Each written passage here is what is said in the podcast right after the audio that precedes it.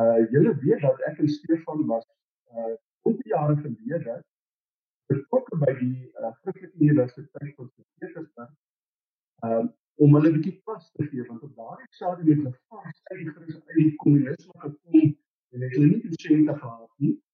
Maar wat vir my mooi was uh van daardie tyd was dat die kerk in Rusland eintlik uh nie verskillende kerke gepropageer het.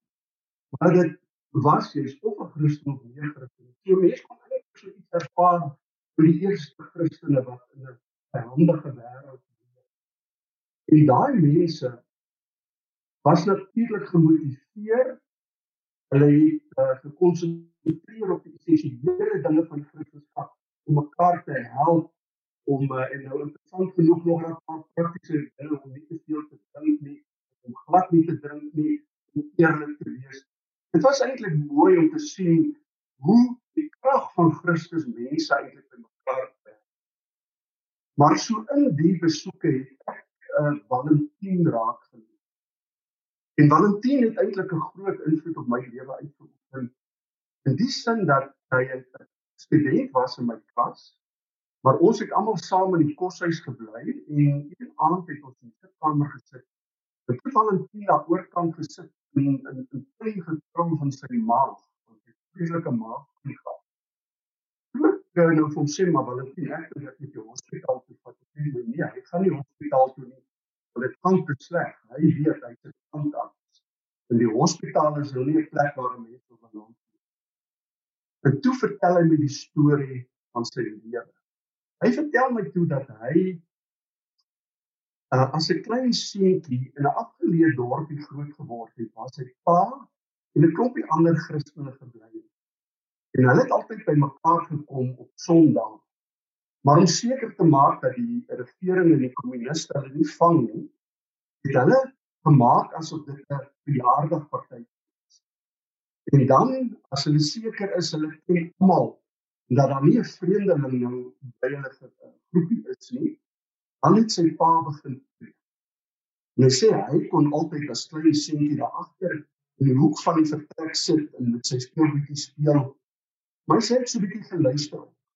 En sy pa het baie gepreek oor volharding om vir die mense te sê luister, julle as gelowiges moet weet wie julle is. Julle moet weet waarom julle op pad is.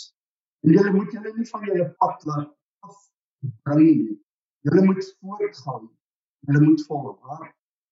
En volharding beteken om jou lewe in die hand van Jesus Christus te lê. Dis is sy sy pa baie daaroor gepraat. Natuurlik het uh, groot geword in sy skool toe. Het hy soos elke ander jong man lid geword van die kommunistiese jeugliga. En wat uiteindelik gebeur het, is dat hy kon uh uh aanpas word. En uh, dit was 5 jaar studie natuurlik waarvan die jaar laaste jaar praktiese werk was.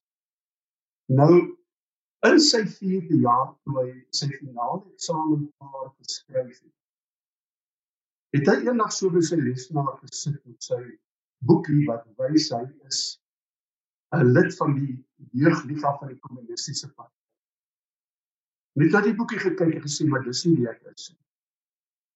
Ek is nie 'n kommunis nie. Ek is 'n volgeling van Jesus Christus.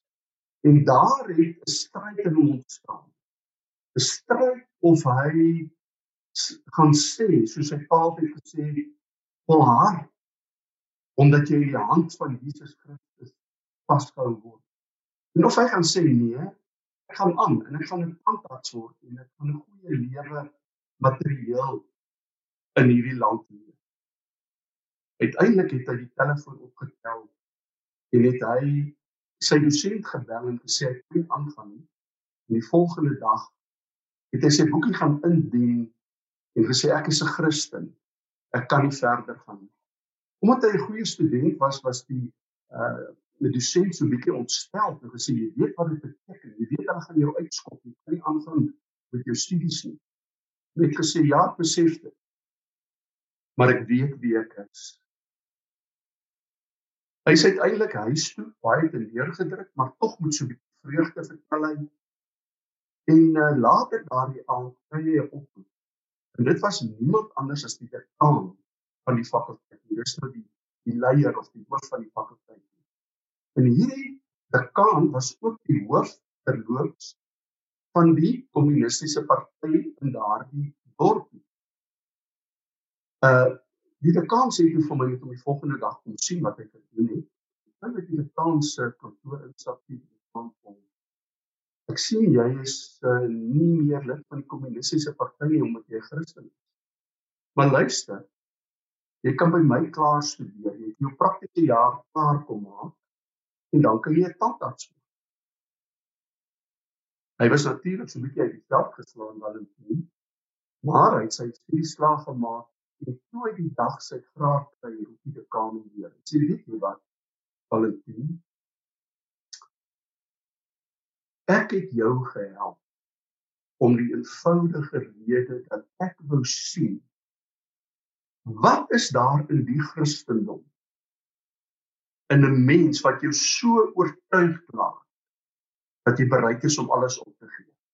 Want sê hy, my pa en ma het ook so alles opgegee. Hulle was ook Christene. En hulle is in die tronk gesit toe ek jonk was en is intussen in die tronk oorlede. En ek wou iets van die Christendom sien.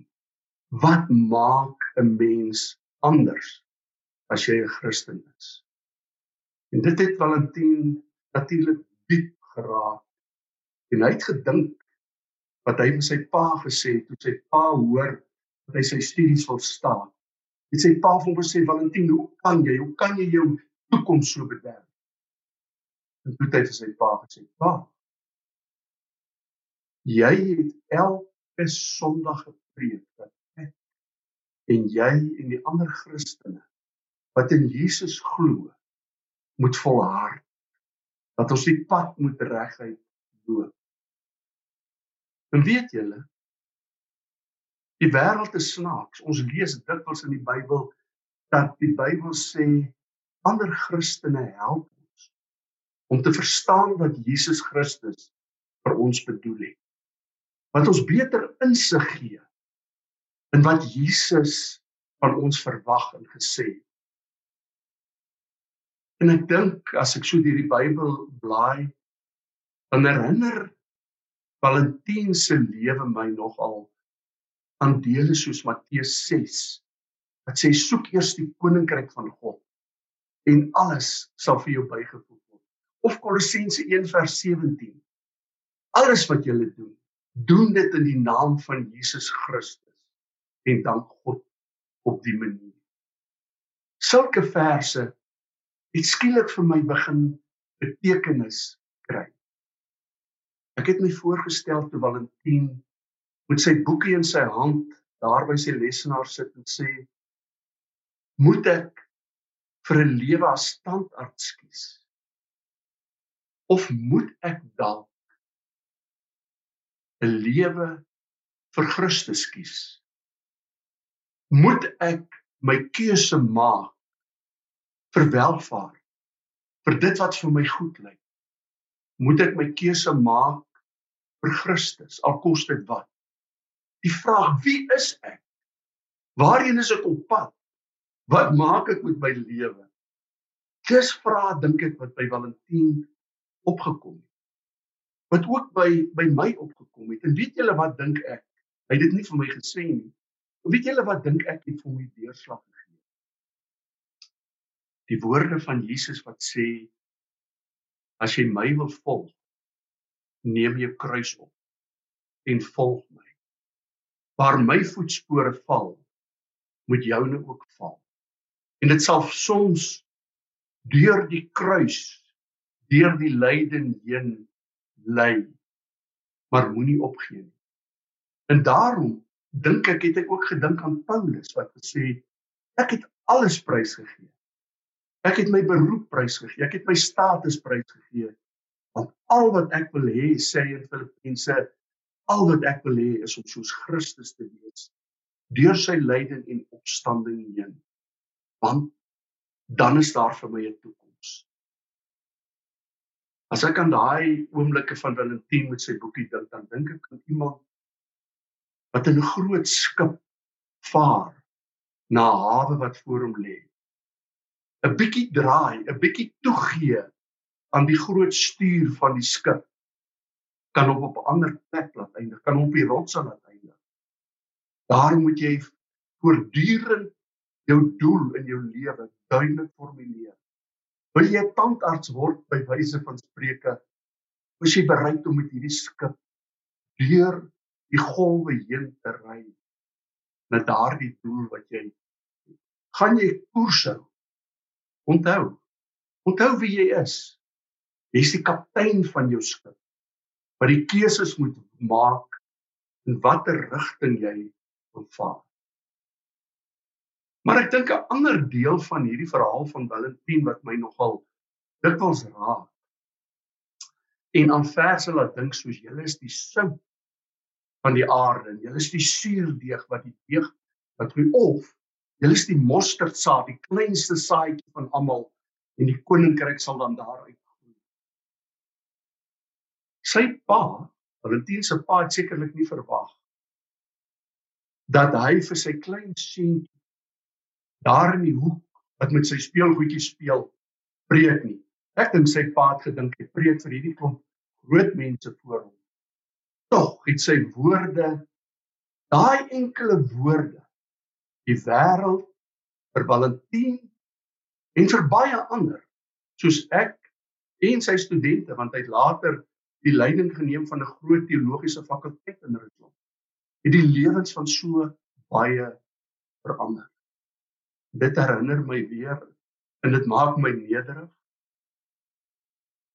dat al is ek klein 'n mosterdsaadjie al is die dinge wat ek doen so onbenullig of lyk vir my so onbelangrik bly ek die draer van die kragtige boodskap van God. Daardie boodskap kan groei soos 'n mosterdsaad. Daai enkele woorde vir my, daai enkele daad van my kan wees soos 'n bietjie suurdeeg wat die hele deeg kan deursien. Geliefdes. Daarom dink ek het Jesus gesê as jy 'n beker koue water vir een van my geringstes gee. Het jy 'n groot ding gedoen? Het jy dit eintlik vir my gedoen? sê in Matteus 10 vers 42. Ja. Ons as gelowiges moet ons eie optrede in watter rigting ook al, negatief of positief, nooit onderskat nie. 'n Klein belediging kan groot skade doen. Maar 'n beker koue water kan groot uh groeikrag in die koninkryk van God veroorsaak, kan mense verander. En nou moet ek sê ek het hierdie verse soos die sout van die aarde so aan altyd gelees as iets daar ver. Ek doen dit maar ek sal dit nooit kan sien. Terwyl ek met Valentin eintlik gesien het, dit is iets wat naby jou lê. Dis iets wat hier by jou in jou hart en rondom jou lê. Weet julle waar dit die moeilikste is dink ek om sout te wees? In jou huisgesin. Tussen jou mense, veral nou dat ons so 'n bietjie ingeperk is. Waar ons elke dag met dieselfde mense te doen kry. In in ons is maar unieke skepsels. Ons ons het maar elkeen sy eie persoonlikheid. Ons is maar iemand wat elke keer iets doen wat ander irriteer of wat deur iemand anders geïrriteer word of wat ons wil wil afdruk en daarmee ander kwaad maak. Dit dit is maar deel van ons lewe, maar daar daar moet ons 'n koue 'n beker koue water uit die sout van die aarde wees. Daar moet ons die verskil maak. Want een goeie daad kan baie verrig. En dieselfde geld maar vir ons werksplek. Daar waar mense leef vir wie ons saak maak en vir ons wat vir ons saak maak. Daar waar mense ons gedrag oplê. Nie anoniem in 'n winkel of waar ook nie. Ons kan 'n verskil maak. En wat vir my natuurlik hierdie treffendste is, is dat Jesus met hierdie beelde nie vir ons 'n reëlboekie gee nie.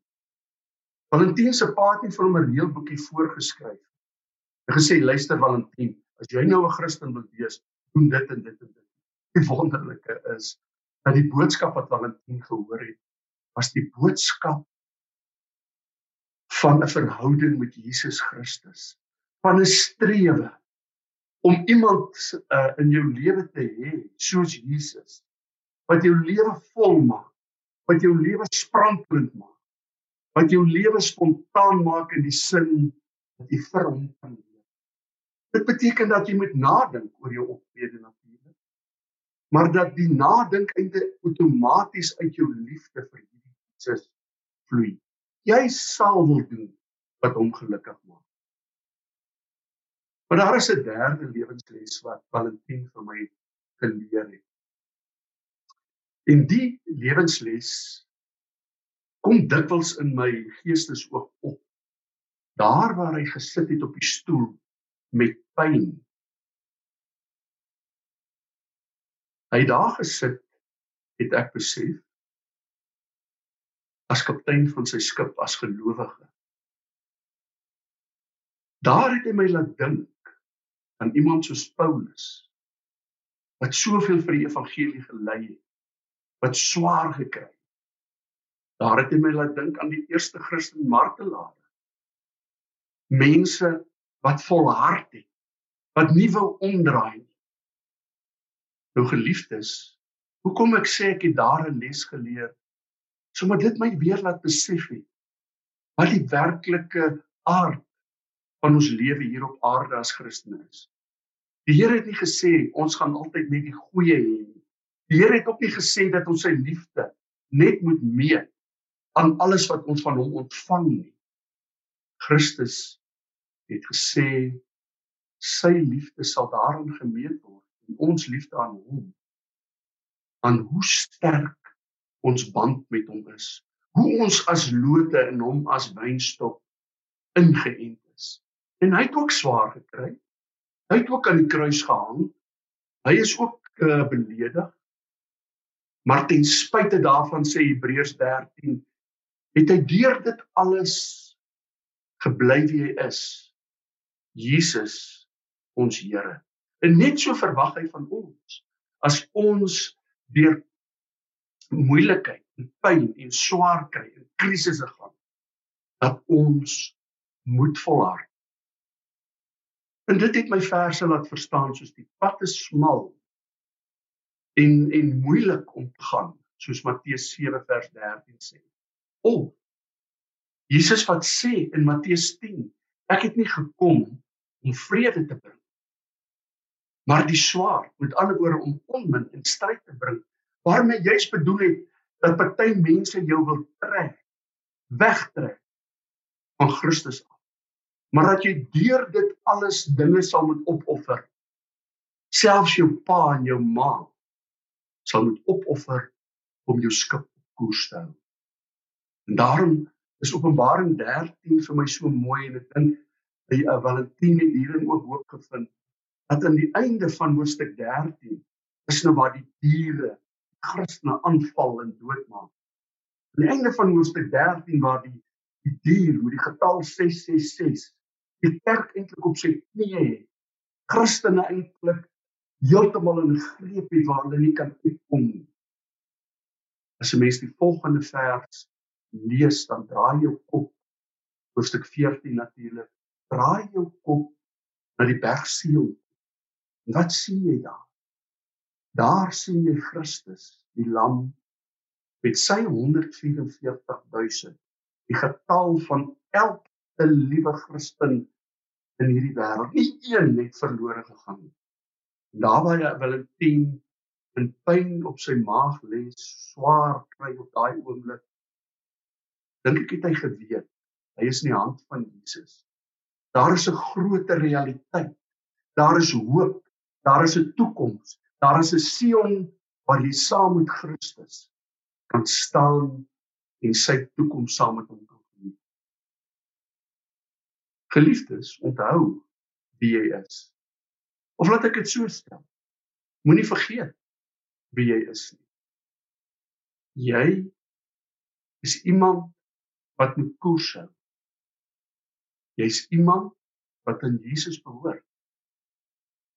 Jy's iemand wat Jesus se naam in hierdie wêreld kan groot maak. Wat mense van hom kan leer. Hier ook die klein dingetjies wat jy doen. Hou koers. Hou daardie skip op pad na die hawe waar Jesus Christus ook vir jou wag. Mag jy 'n heerlike week hê. Kom ons sluit af met gebed. Dankie Here vir u liefde, u genade. Gee ons die krag, die wil om volledig te volhard. Amen.